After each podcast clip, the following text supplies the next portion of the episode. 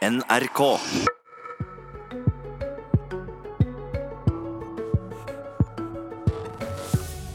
Har du rapportert inn bruk av flybonuspoeng til skattestyresmaktene? Ikke det? Nå skal arbeidsgiverne finne ut hvor mange poeng du har brukt. Et avsindig byråkrati, sier Senterpartiet. All lønn må skattlegges, svarer Høyre. God morgen og vel møtt til Politisk kvarter. Fra og med 1. januar i år skal alle bedrifter rapportere inn hva er og du bruker av bonuspoeng på flyreiser som er opptjent på jobben. Og økonomireporter Halvard Norum, du skal hjelpe oss med å forklare hva er det regjeringa her har vedtatt? Altså, Man har i praksis eh, skjerpet inn rapporteringsreglene på et gode som eh, har vært skattepliktig i lang tid, nemlig det å bruke flybonuspoeng opptjent på jobbreiser i privat sammenheng. For dem som flyr lite i jobben, så kan dette være snakk om altså, små filebeløp. Men hvis du flyr mye, og i tillegg kanskje legger ut for hotellet med et uh, kredittkort som gir flybonuspoeng på det samme flyselskapet, så kan du kanskje på slutten av året ta med hele familien tur-retur Miami og betale kun med bonuspoeng opptjent på jobben. Og Dette er jo da en betydelig økonomisk verdi som, som jo uh, har vært skattepliktig, men som man nå skjerper inn reglene på gjennom å flytte det å melde det inn til skattemyndighetene over på arbeidsgiver. Ja, og da regner jeg med at arbeidsgiver vil ta denne jobben mer seriøst enn det hver enkelt har gjort, da. Det er vel ikke å ta for hardt i å si at ikke alle skattytere har meldt inn alle bonuspoengene de har brukt uh, i privat sammenheng. Men uh, en del arbeidsgivere vil jo da si at uh, å melde inn sånn bruk av 7 og 9 og 13 bonuspoeng kanskje er litt vel mye arbeid for småbeløp. Så enkelte arbeidsgivere har jo også valgt da å rett og slett forby ansatte å bruke bonuspoeng opptjent på jobben i privat sammenheng. Takk for orienteringa, Halvard Norum. Geir Pollestad, du er leder for næringskomiteen for Senterpartiet. Og hva syns du om de nye reglene for innrapportering av bonuspoeng som regjeringa har vedtatt? I praksis er dette en uh, ny skatt. Uh, så er jo skatteplikten den har vært lenge. Men det vi reagerer på, er jo at her innfører en et nytt, stort uh, byråkrati. En pålegger eh, bedriftene et stort rapporteringsansvar eh, som de heller ikke har grunnlag og virkemiddel for å gjennomføre på en skikkelig måte. Og Derfor så foreslo Senterpartiet at dette ikke er godt nok utredet. Denne modellen som er valgt, er for byråkratisk. Vi må spare bedriftene våre for byråkrati. Vi må ikke påføre de nytt byråkrati. Og Det er bakgrunnen for at vi er veldig kritisk til den endringen som nå skjer. Ja, så Senterpartiet ønska at det skulle være sånn det var før, at det er den enkelte som har ansvaret for denne innrapporteringa. Ja, når vi behandla denne saken i Stortinget, så sa vi at nå må vi lytte på de klare rådene som kommer fra bedriftene, fra næringslivet, om at dette vil medføre et svært byråkrati. Det ønsker ikke eh, Senterpartiet, så vi eh, sa at dette ønsker vi å utsette. Her må vi finne en bedre modell, en mer effektiv modell. Eh, for å ha kontroll på dette, og jeg tror også det vil hjelpe mye. Men er, Hvis... den, er den bedre modellen? Er det den vi hadde tidligere?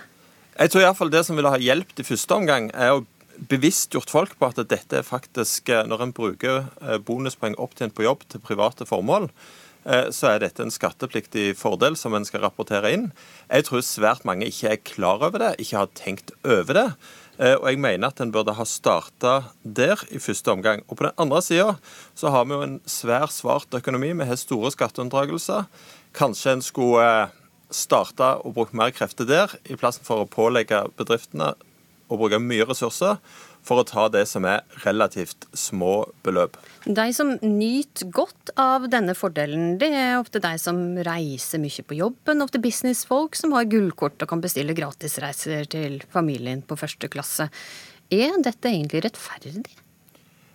Nei, Det kan en uh, si, men vårt poeng er at uh, dette er en skattepliktig fordel, og har vært skattepliktig. Det må folk bli informert om, og vi forventer at folk uh, følger opp det.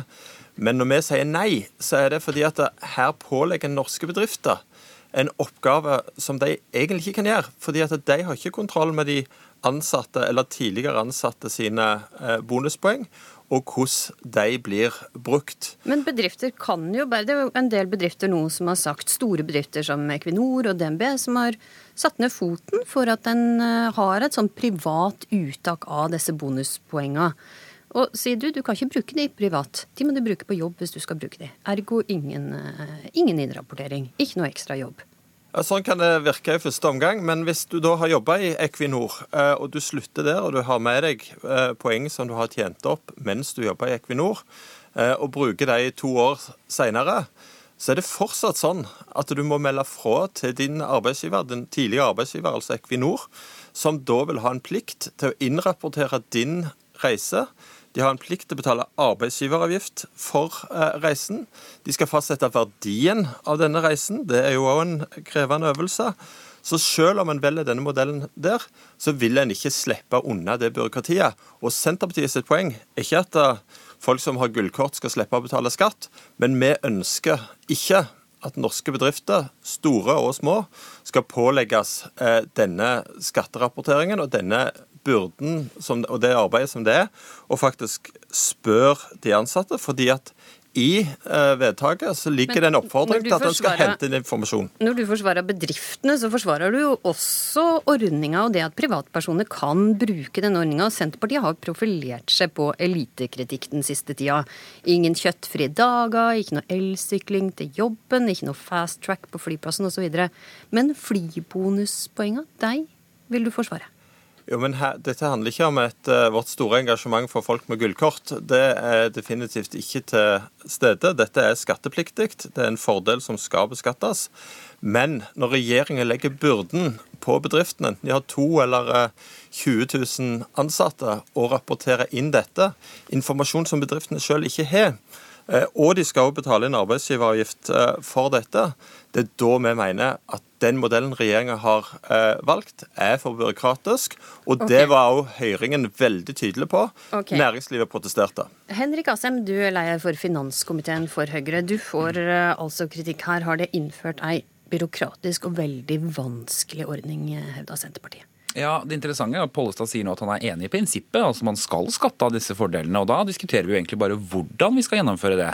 Eh, og det som Vi gjorde var at vi vedtok dette i mai-juni i fjor i revidert budsjett. og Så sa vi skulle innføre fra 1.1. Så har regjeringen sittet sammen med bl.a. Virke og NHO i en arbeidsgruppe for å finne ut hvordan man kan gjøre dette på enklest mulig måte.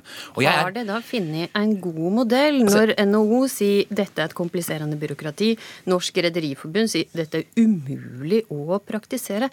Valgte de ikke da riktig modell? Jeg mener at det er å ta for hardt i, rett og slett. Eh, fordi det er sånn at eh, og jeg er helt enig, Man skal ikke liksom lage masse regler bare for å gjøre det. Men situasjonen var jo nettopp den at noen mennesker hadde veldig store fordeler, så store bonuspoengutbetalinger på jobbreiser som de ikke skattet av, selv om de egentlig skulle gjøre det. Og Da er spørsmålet hvordan løser vi det på en smart måte? For det som er utfordringen er at Hvis dette brer om seg, hvis det blir sånn at du nesten kan sitte på et jobbintervju, en jobb hvor mye reising er mye, så kan du si at men du får jo også bonuspoeng på toppen, så blir jo dette nærmest en del av fordelen med jobben. Eh, og hvis men man da ikke betaler arbeidsgiveravgift er jo da om de har funnet den smarte måten som du ønsker skal. For hvis en skal finne den verdien av, som bonuspoeng faktisk har, mm. så må man finne ut hvor mye kosta den samme reisa på nøyaktig det tidspunktet den blei kjøpt for bonuspoeng. Hvordan skal en arbeidsgiver klare å finne ut hvordan min Berlintur som er booka på fritida, kosta akkurat det jeg booka den? Ja, Hvis du booket den på fritiden og dro til Berlin, så skal du jo ikke rapportere det inn til arbeidsgiveren. Dette er jo den gangen hvor arbeidsgiveren sier du må reise til Berlin, eh, og her er flybilletten din, og den har vi kjøpt for deg, og du får forresten bonuspoeng oppå det. Og hvis du tar ut de bonuspoengene og bruker dem på en privat reise etterpå Ja, det var den private reisa ja, jeg snakka om. Hvordan finner en verdien av den private reisa? og det er, det er, utfordringen med dette forslaget, for å være helt ærlig. Det tror jeg vi skal være ærlige på, og det tror jeg arbeidsgiverne kjenner på. Det er at bo, et bonuspoeng er jo ikke en valuta. Flyselskap har forskjellige måter å gjøre dette på. Det er lojalitetsprogrammer rett og slett for å få kundene til å fortsette å bruke dem. Men derfor så må man jo da se på hva er det du har fått i rabatt. Du ser at ordninga har noen utfordringer her. Det har ikke funnet den smarte løsninga, altså, egentlig. Det er en utfordring uansett. For det er en utfordring de gangene hvor man fikk alle disse bonuspoengene og ingen betalte skatt av det, eller veldig få da, gjorde det. Eh, og så er det en utfordring nå nettopp hva er et bonuspoeng verdt. Og jeg mener at det som flyselskapene må gjøre nå, og det håper jeg skatteetaten jobber med dem på, det er å finne en måte å kunne enkelt rapportere hva er bonuspoengen, altså hva er summen av dette egentlig verdt. Eh, og man kunne også for sett for seg at flyselskapene kan dele poengkontoen din mellom hva som er jobbreiser og hva som er private reiser. Men jeg mener bare at det er ganske viktig. Vi har nå også innført skatt på tips. Det er akkurat den samme grunnen. Det er fordi veldig mange ansatte i servicenæringen har fått tips på jobb, og det har blitt sett på som en del av lønna, men du har ikke betalt arbeidsgiveravgifta og ikke skatt av det. Problemet er at det utløser da ikke f.eks. trygderettigheter og pensjonsrettigheter. Derfor så gjør vi det. Senterpartiet var for skatt på tips, men dette mener de altså er hårreisende fordi det er med Senterpartiets eget språk, men med dress og elbil som får det. Ja, Pollestad. Ja, Vårt engasjement ligger som sagt ikke på de med gullkort. Men dette, det som er problemet med dette forslaget Men det er jo det... deg du beskytter her. Nei, det kan være òg den som eh, har jobba og reist i tre år i noen helger i, i, jobben på konferanser og møter, og da har fått nok penger til en, eh, en bonusreise som en, en velger å ta en, en helgetur. Eh, det som dette står på, det er den plikten som en pålegger bedriften. Og Dette er et skrivebordsforslag som ikke passer i møte med virkeligheten. Og Da mener jeg at politikerne har svikta når en bare trumfer dette i gjennom. For det er helt umulig for norske bedrifter, og mange av de, de, fleste norske bedrifter er små, at de da skal gjøre det. Jeg tror at grunnen til at mange ikke rapporterer inn eh, denne type bonusreiser til skattemyndighetene, er rett og slett at de ikke har vært klar over det. Så, så, bare du forteller de om det, så kommer de til å begynne å, å rapportere inn Er ikke det et poeng altså, at folk har ikke visst om dette, så vi må ha tillit til at folk kan ordne opp i dette sjøl? Nei, jeg tror man har visst om det, og jeg, også, og jeg, mener også at vi skal ikke være smålige på disse tingene. og Vi gjør endringer som gjør at du får rabattert avis f.eks., så skal du ikke betale skatt av det. Det er mange sånne ting som vi ikke skal være smålige på. Men dette utgjør etter hvert ganske store beløp for noen mennesker. Og da må vi faktisk få det under kontroll på en måte som gjør at det betales arbeidsgiveravgift, og at det betales skatt av det dersom du tar det ut og bruker det privat f.eks. på å ta med hele eh, familien på ferie. Men det er vi jo helt, Kort til slutt, enige om. Eh, Henrik Asheim, du sa at du vil vurdere om det kan gjøre dette enklere. Når vil den vurderinga skje? Ja, dette er noe allerede innført? Ja, det er innført. Og dette er noe som Skatteetaten nå uh, jobber med. og Derfor har de hatt dette prosjektet også med noe å virke. Og jeg håper at de også lytter til de tilbakemeldingene de får. F.eks. jobber tett opp mot flyselskapene for å sørge for at det kan rapporteres enkelt og greit for arbeidsgiverne. Det for det skal litt... ikke bli mer byråkrati, det skal bli mindre. Det er litt seint si... å tenke på dette etter det er innført. Det burde en ha gjort på forhånd. Der må jeg si takk, Geir Pollestad og Henrik Asheim. Abonner på Politisk kvarter som podkast, og få sendingen rett til din mobil.